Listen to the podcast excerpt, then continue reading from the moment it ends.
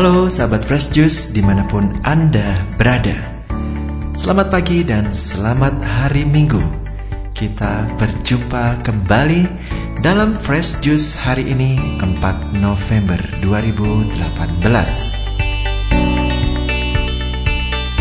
Sebelum kita mendengarkan renungan hari ini Mari kita dengarkan yang satu ini. Fresh Juice Live ini saatnya kamu untuk kumpul-kumpul dengan saudara seiman se-Indonesia. Fresh Juice Live. Kamu di sini bakal bisa ketemu dengan member Daily Fresh Juice, para pewarta, dan pastinya akan ada puji-pujian yang bisa membuat kamu semakin fresh, seperti jus yang menyegarkan dan menyejukkan. Dan gak ketinggalan akan ada misa syukur ulang tahun Fresh Juice ke-6.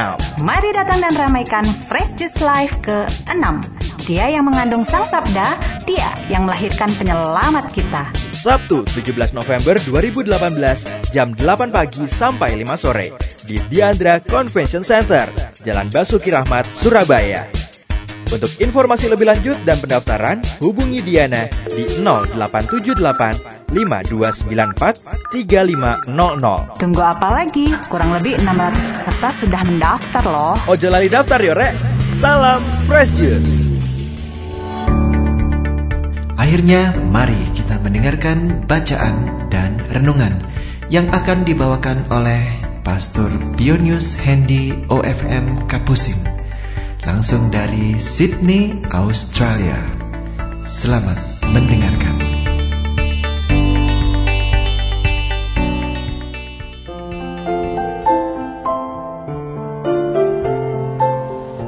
Halo, selamat pagi para pendengar setia Daily Fresh Juice di mana pun Anda berada. Senang rasanya kita bisa bersua kembali pada hari yang indah ini, hari Minggu biasa yang ke-31 menurut penanggalan liturgi gereja. Untuk mengawali hari ini, mari kita renungkan bersama sabda Tuhan yang diambil dari Injil Markus bab 12 ayat 28 sampai dengan 34.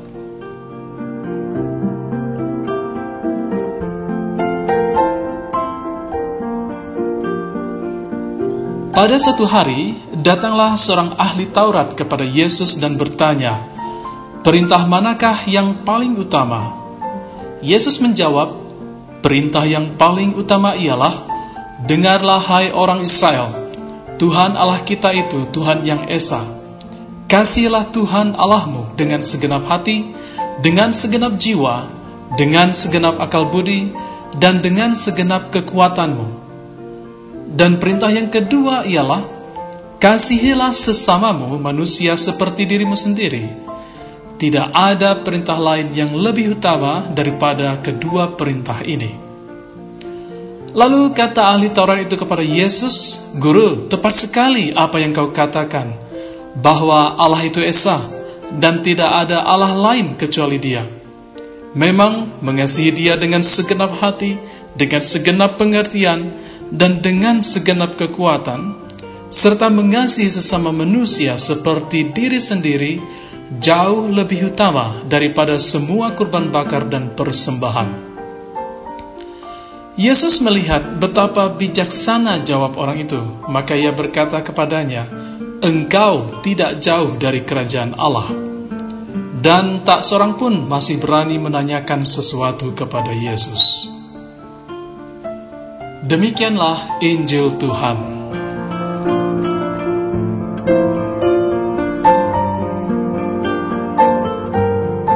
Saudara-saudari terkasih, ada sebuah pepatah dalam bahasa Inggris berbunyi, No man is an island. Pepatah ini muncul untuk pertama kalinya dalam karya tulis seorang pujangga Inggris bernama John Dowd yang hidup pada kisaran abad ke-17.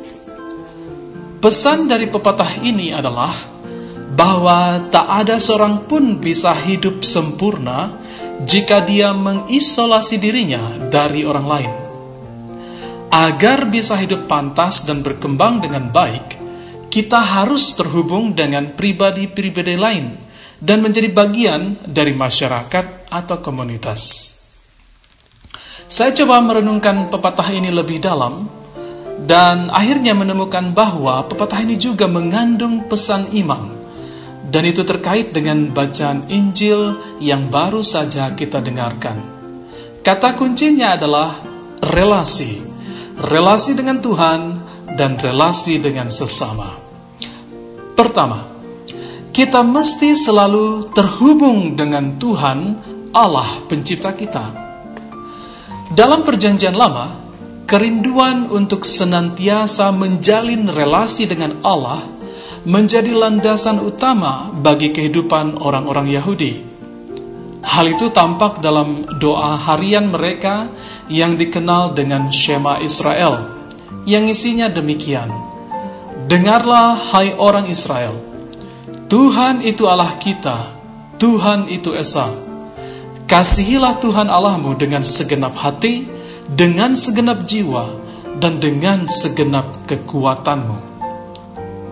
Saudara-saudari bisa baca dalam kitab ulangan bab 6 ayat 4 sampai dengan 5. Ini adalah prinsip utama kehidupan bangsa Israel pada waktu itu sampai sekarang. Mereka selalu berusaha untuk mengenang karya penyelamatan Allah bagi mereka dan karenanya mereka bersyukur dan menyembahnya. Bercermin dari sabda Tuhan Yesus pada hari ini, prinsip utama ini jugalah yang semestinya menjadi fondasi kuat keluarga-keluarga Kristiani. Di zaman modern ini kita dihadapkan dengan beraneka ragam tantangan. Jika kita kurang mengandalkan Allah dalam kehidupan, kita sama dengan sinyal handphone yang lemah, kadang tersambung, kadang terputus. Sebaliknya, keluarga Kristiani yang kokoh dan tahan banting adalah keluarga yang dibangun atas dasar iman, di mana Tuhan Yesus Kristus menjadi fondasi utamanya. Oleh karena itu, Hidup yang intim dengan Tuhan adalah sebuah anugerah. Itu sama seperti handphone dengan sinyal kuat. Kapan aja mau telepon, selalu top chair karena sinyalnya kuat. Nah itu yang pertama, kita mesti selalu terhubung dengan Tuhan. Yang kedua, kita mesti berelasi dengan sesama dan mewujudkannya dalam tindakan nyata. Dunia zaman sekarang menuntut bukti, bukan janji. Cinta kepada Allah dan cinta kepada sesama adalah dua hal yang tak terpisahkan. Itu sama seperti mata uang logam, ada dua sisi yang berbeda tetapi menyatu. Itulah sebabnya Rasul Yohanes menegaskan demikian. Jikalau seorang berkata, "Aku mengasihi Allah," dan ia membenci saudaranya, maka ia adalah pendusta. Karena barang siapa tidak mengasihi saudaranya yang dilihatnya, tidak mungkin mengasihi Allah yang tidak dilihatnya. Silahkan baca 1 Yohanes bab 4 ayat 20. Nah, dari pernyataan tersebut, kita bisa menyimpulkan bahwa untuk bisa menjadi seorang Katolik yang saleh dan baik, saya mau katakan sebagai Katolik super, kita mesti mengkombinasikan dua hal, cinta kepada Allah dan cinta kepada sesama. Cinta kepada Allah kita wujudkan dalam usaha kita menjaga kekudusan hidup, seraya bergiat dalam kegiatan iman, memberikan waktu, tenaga, bahkan materi demi perkembangan iman kita. Plus, ini juga penting, cinta kepada sesama kita wujudkan dalam sikap peduli kepada saudara-saudari kita yang kurang beruntung dalam hidupnya. Misalnya para gelandangan, pengemis, dan orang-orang yang memerlukan uluran tangan kita. Nah, pada akhirnya dalam permundungan saya, dua hukum utama ini, yakni cinta kepada Allah dan cinta kepada sesama, akan membentuk kunci kombinasi untuk membuka kerajaan surga. Setiap orang akan memiliki kunci kombinasi yang unik atau berbeda sesuai dengan talenta yang diberikan Tuhan kepada mereka.